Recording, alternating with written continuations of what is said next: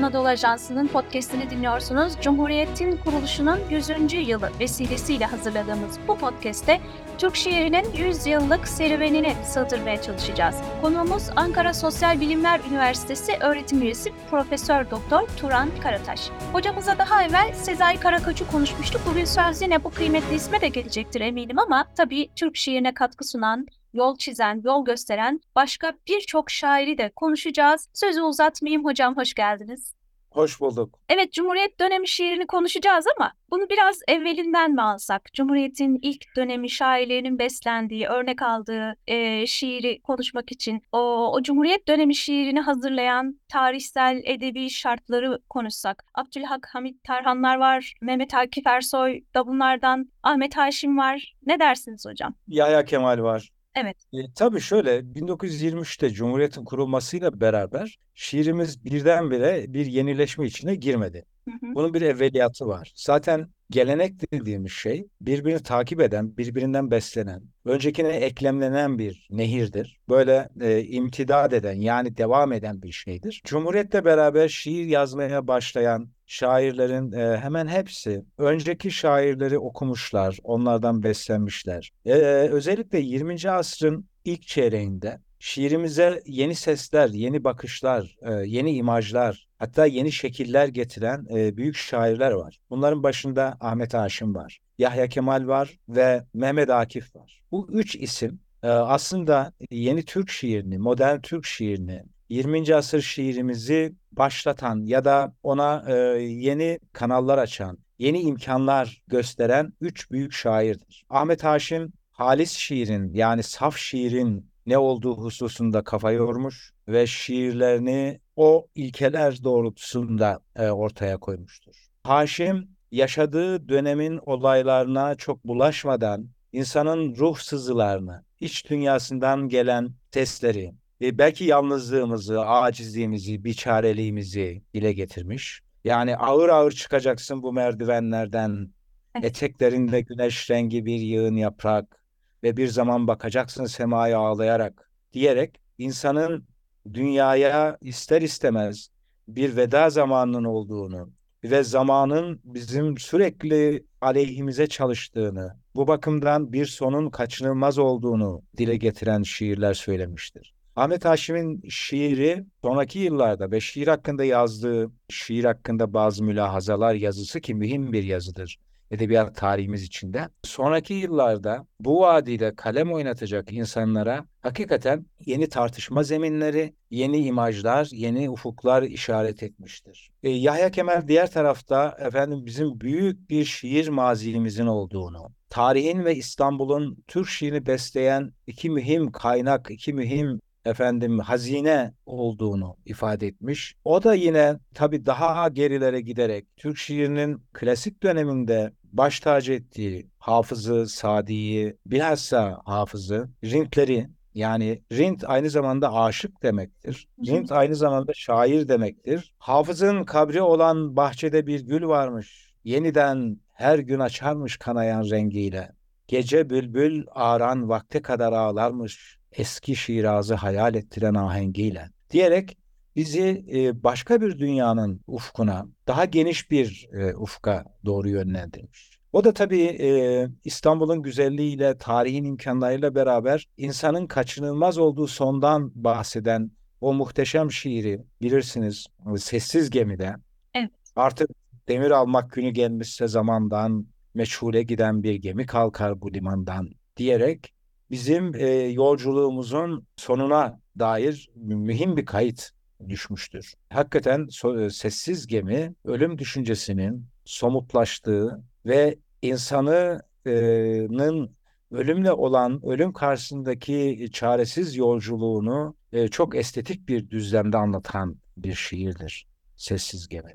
Tabii Akif daha toplumun içinde bir adamdır. Akif şöyle der, milletimin huzuruna çıktığım günden itibaren kendi dertlerimi unuttum, kendi acılarımı bir kenara bıraktım. Toplumun yaralarına bakmaya, insanların acılarını paylaşmaya ya da içine düştüğümüz sıkıntılara acaba bir çare olabilir miyim diye yeni arayışlara yöneldim der ve Akif'in şiiri hakikaten bizim 20. asrın başında yaşadığımız o büyük savaşların enkazından çıkan insanımıza adeta bir merhem, bir e, yara şifacısı gibi görünmüştür. Umutsuzluğa yer yok demiştir ve Müslümanın, inanan insanın umudunu kaybetmemesi gerektiğini ve bizim o çaresizlik içinde bile yeniden büyük bir devlet kurabileceğimiz ya da büyük millet olduğumuzu unutmamamız, unutmamamız gerektiğini söylemiştir. Ve böylece e, üç şiir damarı, saf şiir, Haşim'le,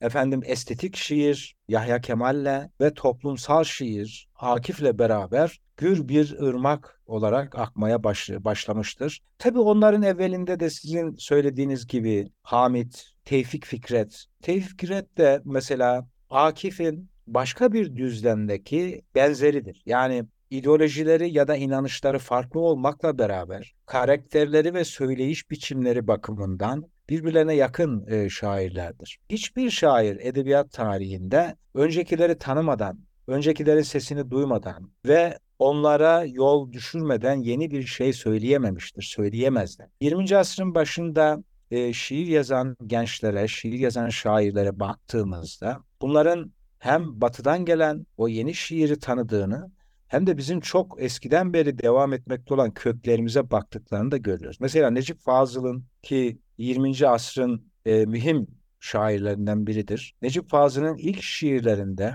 tekke şiirini yokladığını, Yunus'tan medet umduğunu, Yunus'un şiirini ve sesini çok iyi içselleştirdiğini görüyoruz. Yani halk şiirini okumuş, tekke şiirini okumuş, aşık şiirini okumuş ve bununla beraber batı şiirinin formuna bak. Onun e, ilk şiirlerindeki bazı söyleyişler adeta bir aşık şiirinin e, sesini, edasını hatırlatır bize. Uyan yarim uyan söndü yıldızlar, gün karşı tepeden doğmak üzeredir. E, yani bu ses Karacaoğlan'ın sevgilisine seslenen koşmalardaki sesi se benzer. Beklenen veya bekleyen şiiri de öyledir. Evet. Ama Necip Fazıl, Necip Fazıl ne yapmıştır? Necip Fazıl giderek bu o tekke şiirinden aldığı, batı şiirinden aldığı sesleri, formları birleştirerek yeni bir senteze varmıştır. Ve bunun içine yeni mistik sorular katmıştır. Onun müthiş o büyük şiiri Çile, gayiplerden bir ses geldi bu adam gezdirsin boşluğu ense kökünde.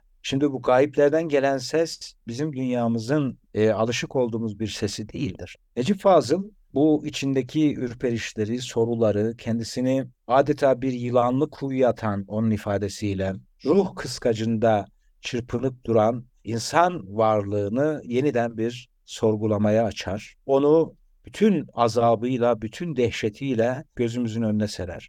Bu nasıl bir dünya? Hikayesi zor Şimdi bu nasıl bir dünya hikayesi zor. Eğer Necip Fazıl gibi bir adam, kelimelerin sultanı olan, efendim e, büyük bir zeka ve muhayyile gücüne sahip olan bu insan dünyanın hikayesini anlatmakta zorluk çekiyorsa bizler ne yapmalıyız? Hakikaten dünyanın gidişatı karşısında insan zaman zaman lalü epken oluyor. Yani susup kalıyor. İşte günümüzde şu günlerde yaşadığımız dünya acısı, zulümler, katliamlar, ölmeler, öldürmeler. Biz zavallı insanoğlu bunlar karşısında dua etmekten, temenniyle bulunmaktan başka bir şey yapamıyoruz. Elimiz kolumuz bağlı. Ama bu insanlar, bu dediğim büyük yetenekler e, susup durmamışlar, haykırmışlar. Dünyanın gidişatına, insanlığın hayrına yeni şeyler söylemek durumunda kalmışlar. Cumhuriyetle beraber e, şiirimizin daha da renklendiğini, farklı farklı kanallarda akmaya başladığını görüyoruz. Mesela Akif'in açtığı yolda yürüyen ama farklı bir dünyanın, farklı bir ideolojinin ve inanışın seslerini duyuran Nazım Hikmet geliyor. Nazım'ın şiiri de hayatın içinde dolaşan bir şiirdir. Evet. Ee, serbest nazım ve toplumcu gerçekçiler olarak evet. Ahmet ee, Tabii şiirin e, şeklini serbeste çevirmiştir Nazım ama baktığı yer toplumdur. Yani Akif'in işte meyhaneden, camiden, sokaktan girmediği, çıkmadığı yer yoktur Akif'in. E, bunları yeni zamanların yeni mekanlarından ve yeni seslerinden söyler Nazım. Tabii onun yürüdüğü yol biraz daha farklı bir yoldur. Karşılaştığı çelişkiler ya da karşılaştığı engeller daha başka türlüdür. E, Necip Fazıl kendi ruh azabıyla mücadele ederken, içindeki büyük dünyanın çalkantılarına yol bulmaya çalışırken, Nazım Hikmet yaşadığı hayatın önüne engel olan bir takım siyasi ve politik maceralara e, la mücadele etmeye başlar. Mesela hiç unutamam hapishaneden yazdığı bir mektubunda ya da bir şiirinde diyor ki bugün pazar, bugün beni ilk defa güneşe çıkardılar. Yani o kadar kederli bir ifade ki güneşe çıkmanın insan ruhuna ve insana verdiği sevinci bundan daha çarpıcı bir e, ifadeyle söyleyemezsiniz. Bugün pazar, bugün beni ilk defa güneşe çıkardılar. Nasıl bir e, yerde yaşıyorsa ya da nasıl bir e, bunalımın, sıkıntının içine girmişse o bahçeye çıkmayı, güneşi görmeyi, güneşin altında nefes almayı büyük bir saadet e, sayıyor. Velhasıl tabii Nazım Hikmet'le beraber Necip Fazıl daha mistik bir kanalda. Sonra e, şiirimiz bir taraftan serbest bir şekilde devam ederken 20. asrın başında özellikle milli heyecanla, milliyetçi bir tutumla başlayan çünkü Türkçenin çok eski zamanlarda şiir söyleme şekli heceyle olmuştur. Biz Aruz'u 10. asırla beraber, 11. asırla beraber Arap edebiyatının etkisinden ve Fars edebiyatından almışızdır. Yani bizim eski Türklerde, Orta Asya'daki Türklerde, sazlarıyla koşuk söyleyen Türklerde ölçü hecedir. Bunu Ziya Gökalp 1915'ten sonra, 16'dan sonra yeni mecmua çıkardığı yeni mecmuada bütün şairlere bir şey olarak koşmuştur. Bu dergide şiirinizi yayınlayacaksanız heceyle yazmanız lazım diye. Ve 1920'den itibaren bizim şiirimiz e, heceyle yazılmaya başlar. Beş hececileri e, müsaadenizle ben sayayım mı hocam? E, sayın tabii ama böyle bir şey var. Bu beş hececiler e, Fransa'da bir beşler kulübü vardır. Biraz onlara özenlerek konulmuş bir isimdir. Aslında beş hececilerin yazdığı dönemde, şiir söylediği dönemde yani Faruk Nafiz'in, Hadi sayın siz. Seyfi Orhon, Halit Fahri Ha. Akınsoy, Enis Behiç, Kor Yürek, Yusuf Ziya Ortaç, Eyvallah. Bak ne güzel. Çamlıbel. Demek ki siz e, üniversite sınavlarına iyi çalışmışsınız. Yok hocam, Şimdi bilgilerimi tazeledim diyelim şimdi. Eyvallah. Bunların şiir söylediği dönemde sadece beş kişi yok şiir, heceyle şiir söyleyen. Hı hı. Daha niceleri var. Ama bunlar öne çıkmış ve bunlar bir araya gelip kendilerine böyle bir isim koymuşlar. Edebiyat tarihlerinde böyle oluşumlar vardır. Bir araya gelmeler, bir manifesto yayınlamalar ve e, bir şiir ya da sanat görüşü etrafında toplanmalar vardır. İşte bizdeki Edebiyat-ı Cedide Mektebi, Servet-i Fünun dergisi etrafında böyle toplanmışlar. Sonrası Fecraati topluluğu böyledir. Hece şiirinde de böyle bir kümelenme olmuş ama bizde hecenin e, daha iyi şiirleri beş hececilerden sonra şiir yazmaya başlayan başta Necip Fazıl olmak üzere. Necip Fazıl hece şiirinin zirvesidir. Bunu herkes kabul eder. Hakikaten zaten onun poetik anlayışına göre ölçüsüz şiir olmaz. O der ki şiir ölçü ve kafiyeden oluşmalıdır biçimsel olarak der. Fakat Necip Fazıl'la birlikte hece şiirini daha yeni seslere kavuşturan başka yetenekler var. Benim sevdiğim şairler 1910 yılında doğan yani Necip Fazıl'dan bir sonraki kuşak. Necip Fazıl, Ahmet Hamdi Tanpınar, Ahmet Kutsi Tecer bunlar Necip Fazıl'a akrandır. Hatta bir iki yaş büyüktürler Necip Fazıl'dan. Fakat Ahmet Hamdi Tanpınar'da, Ahmet Kutsi Tecer'de şiir söyleme gücü bakımından maalesef, maalesef mi diyeyim yoksa bu bir e, kader mi diyeyim, bir akış mı diyeyim, Necip Fazıl'ı geçememişlerdir. Onun gölgesinde kalmaya e, mahkum olmuşlardır. Çünkü Necip Fazıl şiir söyleme kudreti yüksek bir adamdır hakikaten. Şairlerin Evet, evet. Sultan-ı Şuera 1980'lerde öyle bir ünvan verilmişti kendisine. Ama şunu da e, söylemek lazım. e, Onların da hakkını yemeyelim. Tanpınar olsun, Ahmet Kutsi olsun aynı nesilden. Onlar da birer ikişer şiirle Türk şiirinin akışına, o büyük şeye, geleneğe yeni eserler armağan etmişlerdir. Mesela Ahmet Kutsi Tecer'in çok sevdiğim ve okuduğum günden beri hafızamda dolaşan bir şiiri vardır. Neredesin? Geceleyin bir ses böler uykumu, içim ürpermeyle dolar. Neredesin? Yıllar var ki arıyorum ben onu, aşıkıyım beni çağıran bu sesin.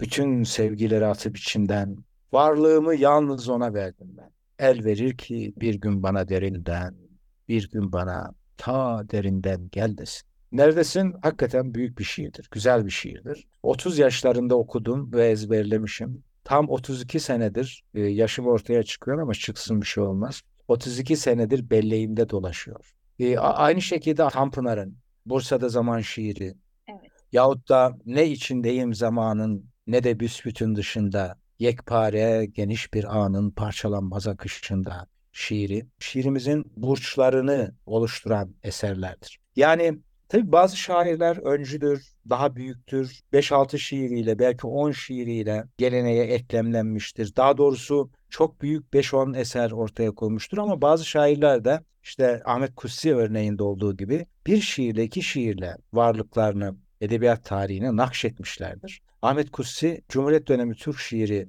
e, deyince unutulmayacak bir isimdir. Benzer bir şekilde erken yaşlarda dünyaya veda etse de onun da unutamadığım bir şiiri var. Kemalettin Kamu. Onu edebiyat okuyucuları ya da şiir sevenler Bingöl çobanlarıyla tanır ama ben Kemalettin Kamu'yu İrşat şiiriyle hatırlarım. Kemalettin Kamu tabii e, biraz talihsiz bir arkadaş, talihsiz bir dönemin dönemin moda düşüncelerine çok fazla kendisini kaptırmış.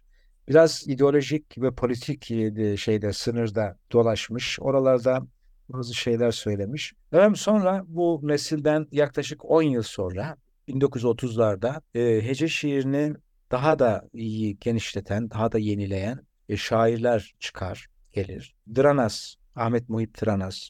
Biz onu Fahriye abla şiiriyle tanırız ama Dranas'ın başyapıtı bana sorarsan Kar şiiridir ya da Olvido şiiridir. Dranas'ın 4-5 tane unutulmayacak şiiri vardır. Ya da Serenat şiiridir. Yeşil pencerenden bir gül at bana, ışıklarla dolsun kalbimin içi. İşte geldim mevsim gibi kapına, ellerimde bulut, gözlerimde çiğ. Bu e, çok tatlı, çok güzel, çok romantik bir şiirdir. Gençliğimizde bunları biz okuyarak e, büyüdük. Şu demek ki ben buradan yola çıkarak şunu söyleyeyim e, ihmal etmeden. Şimdi şairler niye şiir söylüyorlar? Ya da bir şiiri bir insan teki olarak, insanoğlu olarak niye hayatımızın bir tarafına koyuyoruz? Bunlar bize ne diyor? Şunu gördüm ben. Efendim ben e, yaralandığım zaman şiirlere sarıldım. Yalnız kaldığım zaman şiirlere sarıldım. İçimde sıkışan bir dert olduğunda şiirlerden medet umdum. Toplumun üstü örtülmeyen, kanayan bir yarası olduğu zaman şiire sarıldım. Kanayan bir yara gördüm mü yanar ta ciğerim diyen Akif'in mısralarından medet umdum. Yani şiir beni aydınlık sabahlara götürdü. Bitmeyen gecelerde tesellim oldu. Yol arkadaşım oldu. Hani yol arkadaşı çok önemlidir. Bazen insan yetmez insana. Ünvan Hanım, insan yetmez insana. O zaman işte insanın insana yetmediği anlarda, insanın insana teselli bulamadığı anlarda büyük e, eserlerle buluşursunuz. Şiir insandaki özü, cevheri, insandaki her türlü değeri hatırlatan, yer yer tazeleyen, gerekirse kışkırtan, insana asil bir huzursuzluk veren şeydir. Asil bir huzursuzluk. Bu çok önemlidir. Ya da bir isyan kazandırır insana ki buna topçu rahmetli isyan ahlakı der. Yani bu isyan ahlakını kazanmak için şiire müracaat etmemiz gerekir. Yani Necip Fazıl'ın o toplumsal içerikli şiirlerinde anlığı hatırlayın. Sevinin Mehmet'in başlar yüksekte, ölsek de sevinin, eve dönsek Sanma bu tekerlek kalır tümsekte, yarın elbet bizim, elbet bizimdir. Gün doğmuş, gün batmış ebed bizimdir. Şimdi dertlerle bunaldığınız, gidişat karşısında, karanlık karşısında elinizde mum yakamadığınız zamanlarda işte buna, bu, bu şiire, böyle şiirlere bir şey olarak sarılıyorsunuz. Aydınlık e, meşalesi olarak sarılıyorsunuz. Sizin e, önünüzü aydınlatıyor. Ruhunuzu tazeliyor. E, yani diyorsunuz ki evet tamam bunları yaşıyoruz, yaşayacağız ama bunun ötesinde güzel şeyler de olacak, iyi şeyler de olacak. Ya da şunu, şuna, şuna inanıyorsunuz. Ya insan bunlarla mücadeleye yazgılı bir varlık. İnsan bunlarla mücadeleye yazgılı bir varlık. İnsan için dünyada mücadeleden başka ne var ki diyorsunuz. Yani bu yaşadıklarınızın sadece sizin karşınıza çıkmadığını, ya da ya da sadece sizin yaşamadığınızı söylüyorsunuz. Böylece şiirler benim her fırsatta yolumu aydınlattı, dert ortağım oldu, içime sevinç doldurdu, ölüm gerçeğini bana hatırlattı. Başka insanların da acılarının olduğunu duyurdu. Ağlasam sesimi duyar mısınız mısralarımda? Dokunabilir misiniz gözyaşlarıma ellerinizi? Bilmezdim şarkıların bu kadar güzel, kelimelerinse kifayetsiz olduğunu bu derde düşmeden önce. Bir yer var, biliyorum, epeyce yaklaşmışım, duyuyorum, anlatamıyorum.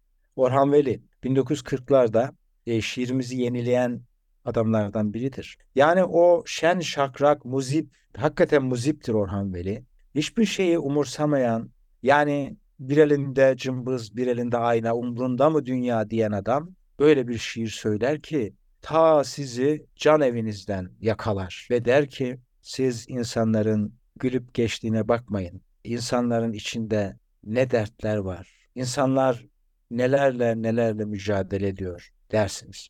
Ki Orhan Veli e, başlangıçta heceyle başlıyor. Epeyce bir heceyle şiir yazıyor. Sonra o serbest dediğimiz küçük şiirlere geçiyor. O serbest damarı açan, serbest, serbest kanalı açan ve Türk şiirinde, günümüz şiirinde de epeyce bir yaygın taraftarı olan serbest şiirin e, yol açıcısı Nazım, Nazım Hikmet'ten de bahsetmemiz lazım. Nazım Hikmet e, tabii bir tarafıyla çok talihli, bir tarafıyla talihsiz bir adam. Zaten ben insanlarda bu iki e, halin de zaman zaman birbirini takip eder vaziyette yaşadığını düşünüyorum. Yani şöyle demek istiyorum. Bir insan pür talihten ibaret değildir. Bir insan kötü talihli değildir. Biraz talihini onaran ve yola koyan insanın kendisidir o cüzi iradesiyle. Biraz da zamanın şartlarıdır. E, Nazım zamanın şartlarını iyi okuyamamıştır. Başına bir takım işler açmıştır. Dönemin hoş görülmeyen ideolojisine mensup olarak. Ama Nazım'da da çok insani şeyler vardır. Bazı şiirlerini okurken ben adeta bir derviş şairin şiirini okuyormuşum gibi. Yani sevgiliniz komünist Nazım Hikmet'in değil de Mesela Kız Çocuğu diye bir şiiri vardır onun. 1944'te Hiroşima'ya atılan bombadan sonra yazdığı bir şiir. E, şiiri okurken yüreğiniz parçalanır. Kapıları çalan benim, kapıları birer birer. Gözünüze görünemem, göze görünmez ölüler. Hiroşima'da öleli oluyor bir on yıl kadar. Yedi yaşında bir kızım, büyümez ölü çocuklar. Saçlarım tutuştu önce, gözlerim yandı kavruldu. Bir avuç kül dolu verdim. Külüm havaya savurdu. Benim sizden kendim için hiçbir şey istediğim yok. Şeker bile yiyemez ki kağıt gibi yanan çocuk. Şimdi e, aynı manzara işte Filistin'de, Gazze'de yaşanıyor. Çocuklar hakikaten evet. bir avuç kül olup toprağa karışıyorlar. Kağıt gibi yanıyorlar. E, şimdi bu şiiri gidip oradaki insanlara okumak, o katliamı yapanlara duyurmak, çalıyorum kapınızı teyze, amca, bir imza ver, çocuklar öldürülmesin, şeker de yiyebilsinler demek gerekiyor. E, velhasıl Nazım Hikmet her ne kadar böyle olmayacak bir düşün peşine düşüp kendi e, ülküsü doğrultusunda evet Nazım Hikmet de ülkücü bir adamdır. Yani ülkü dediğim şey insanların idealidir, sevdasıdır. Ülkü idealdir. O ilkesi ve ülküsü yolunda taviz vermeden yaşamıştır. O bakımdan tavrıyla ve inancıyla kendi düşüncesine, inancıyla takdir şayan bir adamdır. Ve tabii şu tarafıyla talihsizdir ve çok taraftarı vardır ama hakkında söylenen ya da hakkında ideolojik bir takım damgalar, şablonlar onu belli bir kesimden koparmıştır. Ve Nazım Hikmet'i Türkiye'de Türkçe bilen, Türkçe konuşan, Türkçe şiir tadına varan insanların bir kısmı okumazlar. O komünisttir diye. Aynı şekilde Necip Fazıl'ı okumayanlar da vardır. O gericidir, efendim e, sabık şairdir diye. Halbuki Nazım da Necip Fazıl da e, Türkçenin en güzel şiirlerini söylemişlerdir. Mesela şarkısını da türküsünü de yaptılar. Nazım Hikmet'in Karlı Kayın Ormanında şiiri uzun bir şiir de evet. bir dörtlüğü ben hiç unutamam. Bakın ne diyor. Memleket mi yıldızlar mı? Gençliğin mi daha uzak? Kayınların arasında bir pencere sarı sıcak. Şimdi memleket mi, yıldızlar mı, gençliğin mi daha uzak? Yani öyle bir memleket hasreti ki şunu diyor adam ben gençliğime nasıl kavuşamayacaksam gençliğimin uzaklığının farkındaysam ve yıldızlar ne kadar uzaksa memleket de o kadar uzak. Şimdi böylesine vatan hasreti çeken bir adam. Efkarlıyım, efkarlıyım. Elini ver. Neredeyim? Yani biz zannediyoruz ki bazı şairler işte Orhan Veli örneğinde olduğu gibi böyle şen şakrak hayatlar yaşamışlar.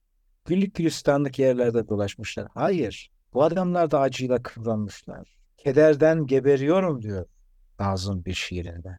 Hakikaten böyle hallere düşmüşler. Şair olmuşlar. E tabii şöyle e, doğru güzel bir şey söylediniz. Şair olmak aslında dünyanın dertlerine talip olmaktır. Ben onun için şair olmadım. Ha, olamadım o da ayrı. Olmak istedim biraz bir şeyler karalamıştım gençliğimde. Olmadım olamadım. E, şunun için hakikaten şair olmak bir derde talip olmaktır. Muhammed Lütfü Efendi Alvar İmamı diyor ki derdi derunuma derman aradım. Dediler ki derttir dermanın senin. Şimdi derdin dermanı dertte arayan insandır şair. Derdine derman bulmak için derde müptela olan insandır şair. Nazım da, Necip Fazıl da, efendim adını anmadan geçemeyiz. Cahit Sıtkı da büyük kederler yaşamışlardır. Evet. Cahit Sıtkı'nın Şaşırdım Kaldım diye bir şiiri vardır. E, müthiş bir şiirdir. Yani müthişliği şu, bir insanın acziyetini, bir insanın çaresizliğini, hayat karşısındaki eli kolu bağlı oluşunu o kadar güzel anlatır ki şaşırdım kaldım. Nasıl aslamadım gün kasvet, gece kasvet, bulutlar, sisler içinde bunu. Olmuyor seni düşünmemek Tanrım, ummamak senden medet. Suyun dibine vardı ayaklarım, suyun dibinde zulmet ve ölüm kapımda kişner, sabırsız bir at oldu nihayet. Şimdi bu sözleri söyleyen insanların evet Cahit Tarancı, Tarancı ailesi Diyarbakır'ın çok zengin, e, refah içinde yaşayan bir ailesidir. Ama o kadar bunca varlığa rağmen Yunus öyle diyor, o kadar güzel söylüyor ki bunca varlık içinde gitmez gönül darlığı diyor. Bunca varlığa rağmen yani maddi varlık insanın gönül darlığını gideren bir şey değildir. İşte şiir ve şairler bizim gönül darlığımız, ruh üşümemizi hisseden adamlardır. Bize e, sevdamızı, aşkımızı duyuran insanlardır. E, bazen insan sevdalanır, aşık olur, bunun farkında değildir. Bir şiir okununcaya kadar okur ve der ki ha ben bak böyle bir derde düşmüşüm. İşte bu benim derdimin çaresi ya da benim derdimin teşhisi bu. Teşhis konunca tedavi mümkün olabilir. Şairler biraz budur. Yani bizim fark edemediğimiz halleri bize hatırlatan adamlardır. Efendim, e, Cumhuriyet dönemi Türk şiiri deyince elbette Orhan Veli ve arkasından gelen büyük şair Attila İlhan'ı da anmak lazım. 50'lerin hemen başında arkadaşlarıyla beraber Mavi dergisini çıkaran Evet. ve e, şiirimize çok güzel çok güzel şiirler hediye eden bir şairimiz Atilla İlhan. Onun da şiirleriyle çok geceler dost oldum. Çok sabahlar onlarla güne başladım. Mesela böyle bir sevmek görülmemiştir şiiri. Orada bir de bir bölüm var, bir dörtlük diyelim. Hep aklıma gelir. Ne zaman okusam o şiirdeki gibi gözlerim sislenir. Diyor ki şair, ne kadınlar sevdim, zaten yoktular. Yağmur giyerlerdi sonbaharla bir. Azıcık okşasam sanki çocuktular. Bıraksam kenara gözler, gözleri sislenir. Ne kadınlar sevdim, zaten yoktular. Böyle bir sevmek görülmemiştir. Şimdi bu, bunu okuduğunuz zaman e, şunu anlıyorsunuz. Ya diyorsunuz, yeryüzünde hüzün sadece bana bulaşmış bir şey değil. Zaten iyi ki de o melal, o hüzün e, bünyemizde var. Hilmi Yavuz öyle demişti. Hüzün ki en çok yakışandır bize. Ama evvelinde Hilmi Yavuz'un da üstadım dediği, çok değer verdiği Ahmet Haşim bir şey söylüyor. 1909'da yazdığı o meşhur şiiri o beldede diyor ki Melale anlamayan nesle aşina değiliz. Çünkü bu mühim bir şeydir Ümmühan Hanım. Yani bugünkü insanlara bu mısrayı ezberletmek lazım ve bunun anlamını anlatmak lazım. Ne demek bu? Bu şu demek. İnsanın üzerinde taşıması gereken hallerden biri de hüzündür. Yani dünyanın kederidir. Ya da dünyaya bir tarafıyla gölgesini düşüren dert yumağından haberdar olmaktır. Eğer hüzünden haberdar değilseniz melale aşina değilseniz siz insanların dertlerini, sıkıntılarını anlayamazsınız. O bakımdan melale anlamayan nesle aşina değiliz diyen şairi de anlayamazsınız. Ve Attila İlhan'ın tabii çok güzel şiirleri var. Ya Türk şiirini farklı bir doruğa çıkaran adamdır. Tutuklu'nun günlüğünde çok güzel şiirleri var. Efendim Sisler Bulvarı'nda çok güzel şiirler okumuştum. Ve onun arkasından gelen Türk şiirini onaran, Türk şiirini yenileyen bir güçlü hareket var. Ondan da söz etmemiz lazım. Ve evet hocam ikinci yeni var bir de. Ee, burada da öne çıkan isimler Cemal Süreya, Turgut Uyar, Edip Cansever ve tabii ki Sezai Karakoç. Sizin kaç ciltlik olduğunu hatırlamıyorum. İslamcılık Ansiklopedisi'nde bir medeniyet tasarımcısı olarak bahsediyor. Evet, Sezai evet. Altıncı ciltte, altıncı ciltte galiba. Evet. Evet. E, Ee, Sezai Karakoç benim doktora çalışmam malum. evet. E, doktora çalışmam. E, o vesileyle ikinci yeni şiirini de e, bütünüyle okudum. Az evvel aşktan bahsettiniz, e, güzel ifade etmekten bahsettiniz. Sezai Karakoç'un da birçok aşığın ne diyelim tercüman Dilinde dolaşan. e, dilinde dolaşan e, kaldırımlar şairi Necip Fazıl Kısakürek'ten sonra 20. yüzyılın ilk yarısında Türkiye'de İslami düşünce, sanat ve edebiyat alanında anılacak iki önemli isimlerden birinin de Sezai Karakoç olduğunu söylüyorsunuz. Doğru. e, doğru. Evet, Sezai Karakoç'u yine sizden dinlesek. E, teşekkür ederim. E, tabii Sezai Bey kelimenin bütün anlamıyla nevi şahsına münhasır bir adamdı. Bir yetenek. Büyük bir yetenek. Hatta ben mübalağa etmeden böyle zekalara, böyle kişilere, şahsiyetlere deha diyorum. Hakikaten deha sahibiydi. Evet. E, çünkü şiirini e, defaatle okudum. Yazılarının tümünü okudum. Bütün eserlerini okudum. Ondaki o Cemal Süreyya'nın ifadesiyle o bulgucu tavır, tutum. İkinci yeni şiirini aslında başlatan e, şairdir e, Sezai Karakoç. Bunu bunu bazıları ihmal eder. Neden? E, şunun için ikinci yeni Türk şiirinde mühim bir atılımdır. Bir dönüm noktasıdır. Bu dönüm noktasını başlatan, bu şiir hareketini sırtlanıp götüren e, mühim büyük şairlerden biri Sezai Karakoç'tur ama bazı arkadaşlar her nedense bunu e, Sezai Karakoç'a e, bu şeyi büyüklüğü bahşetmezler. Biraz ne diyelim ideolojik bakış diyelim buna. Ama e, Sezai Karakoç kadar Cemal Süreyya'nın da sizin e, ifade ettiğiniz gibi Turgut Uyar'ın da Edip Cansever'in de bu harekette payı vardır. Onlar da e, güzel şiirler söylemişlerdir. Kendi inançları ya da kendi estetik beğenileri doğrultusunda. Tabii ben Sezai Bey'in şiiriyle çok haşır neşir oldum. Rahmetli Mona Rosa şiirinin bu kadar meşhur olmasından zaman zaman rahatsızlık duyardı. Yani şundan korkardı. Ah- Ahmet Muhit Dranas da Fahriye abla şiir, şairi olarak anılmasından rahatsız olurmuş. Sezai Karakoç da Mona Rosa şairi olarak anılmak istemiyor. Evet. Çünkü o bir diriliş e, mimarıydı. Yazılarıyla ve düşünceleriyle de büyük işler yapmıştı. Biraz o tarafıyla konuşulmasını, o tarafıyla anılmasını istiyordu. Tabii e, Sezai Karakoç'un e, Mona Rosa kadar, Mona Rosa'dan sonra yazdığı ve benim Mona Rosa'nın süreyi şiirler dediğim daha güzel şiirleri var veya başka güzel şiirleri de var. Onlardan birisinden birazcık okuyayım. Benim dönüp dolaşıp okuduğum, dönüp dolaşıp efendim dilime gelen köşe şiiri. E, beş bölümlük bir şiirdir köşe. Fakat bazı bölümleri o kadar e, derindir, o kadar e, sahicidir, o kadar coşkuludur. Ve ben o köşe şiirinin o bölümlerini okurken adeta gidip şairin deli köşesinde durasım gelir. Hani sen geldin benim deli köşemde durdun. Evet. Bulutlar geldi üstünde durdu. Merhametin ta kendisiydi gözlerin merhamet. Oradan birazcık okuyayım köşe şiirinden bir bölüm veya birkaç dörtlük okuyayım. Sen geldin benim deli köşemde durdun. Bulutlar geldi üstünde durdu. Merhametin ta kendisiydi gözlerin. Merhamet saçlarını ıslatan sessiz bir yağmurdu. Bulutlar geldi altında durduk. Konuştun güneşi hatırlıyordum. Gariptin. Yepyeni bir sesin vardı. Bu ses öyle benim, öyle yabancı. Bu ses saçlarımı ıslatan sessiz bir kart. Ve güldün rengarenk yağmurlar yağdı. İnsanı ağlatan yağmurlar yağdı. Yaralı bir ceylan gözleri kadar sıcak. yaralı bir ceylan kalbi gibi içli bir sesin var. Yani şu buluşlara bakar mısınız Ümran Hanım? Evet. Yani insan e, hakikaten böyle hani derler ya şapka çıkarıyor. Karşısında e, el pençe divan duruyor. Yaralı bir ceylan gözleri kadar sıcak. Ya bunu nasıl hissetti şair?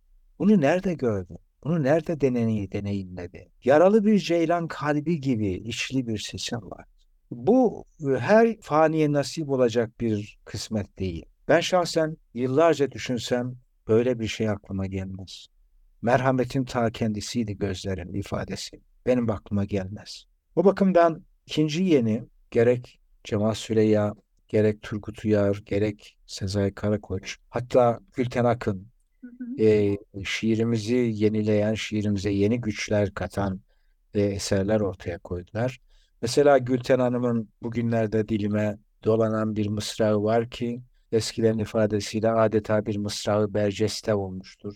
Ah kimselerin vakti yok durup ince şeyleri anlamaya.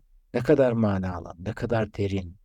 Yani ikinci yeni bunlar görünen lokomotif şairler ama ikinci yeni şiiri o kadar taraftar bulmuş ki Türk şiirindeki birçok şair bu e, şiir hareketini, bu söyleyiş biçimini taklit eden, onlara özenen ya da onlar gibi yazmaya çalışan onlarca şair türemiş, yetişmiş. Bunların arkasından gelen kuşaktan iki üç isim var anılması gereken. Birisi İsmet Üzel'dir. Evet. Yani hakikaten cins bir şairdir. Bu cins kelimesini örneği az bulunur anlamında söylüyorum. Evet. Yeni bir dünyanın sesini duyurmuştur İsmet Özel ya da duymamız gerekenleri yeni bir sesle duyurmuştur. Ha bu arada diğer isimleri de analım. Mesela Hilmi Yavuz da şiirimize epeyce katkıda bulunmuştur. Ülkü Tamer e, var ismini anmadan geçemeyeceğim. E, halen hayattadır. E, sağlık diliyorum. Yavuz Bülent Bakiler ayrı bir damarda, ayrı bir kanalda Hisar şiiri dediğimiz bir grubun içinde yer alan ve orada herhalde şiiri en çok temsil gören bir şairdir Yavuz Bülent Bakiler. İsmet Özel'in arkadaşı, mektuplaştığı şair dostu Ataol Behramoğlu'nu da anmak lazım. Tabii İsmet Özel'le beraber aynı yaşlara sahip başka şairler de var. Mesela Erdem Bayazıt e, ismini anmamız lazım. Ve e, orada cins bir şair olan Cahit Zarifoğlu'nu anmak lazım. Sultan diye bir şiiri var Zarifoğlu'nun. Onu da okuyalım. E, bizde hakkı kalmasın. Kalmasın hocam. Seçkin bir kimse değilim. İsmimin baş harfleri aciz tutuyor. Abdurrahman Cahit Zarifoğlu'dur. Evet. Asıl adı. İsmimin baş harfleri aciz tutuyor. Bağışlanmamı dilerim. Sana zorsa bırak, yanayım. Kolaysa esirgeme. Hayat bir boş rüyaymış. Geçen ibadetler özürlü. Eski günahlar dipdiri. Seçkin bir kimse değilim. İsmimin baş harflerinde kimliğim. Bağışlanmamı dilerim. Sana zorsa bırak yanayım. Kolaysa esirgeme. Hayat boş geçti. Geri kalan korkulu, her adımım dolu olsa işe yaramaz katında. Biliyorum, bağışlanmamı biliyorum. Ve benim sonuç olarak şöyle bir toparlama yapalım. Lütfen hocam buyurun.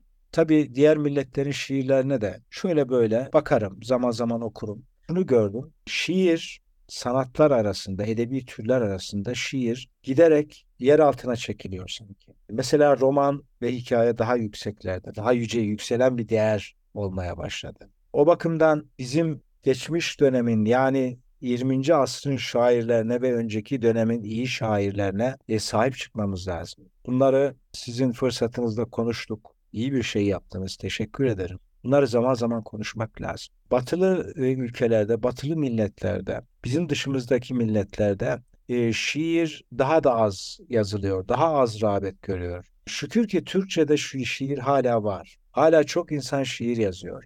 Ha bunların bir kısmı kıymet ifade ediyor, etmiyor bilemiyorum. O ayrı bir şey. Ama edebiyat dergilerine baktığım zaman şiir yazanların epeyce bir yekün tuttuğunu görüyorum. Bunların içinden, bu yazılanların içinden güzel şiirler çıkacaktır. Güzel mısralar çıkacaktır.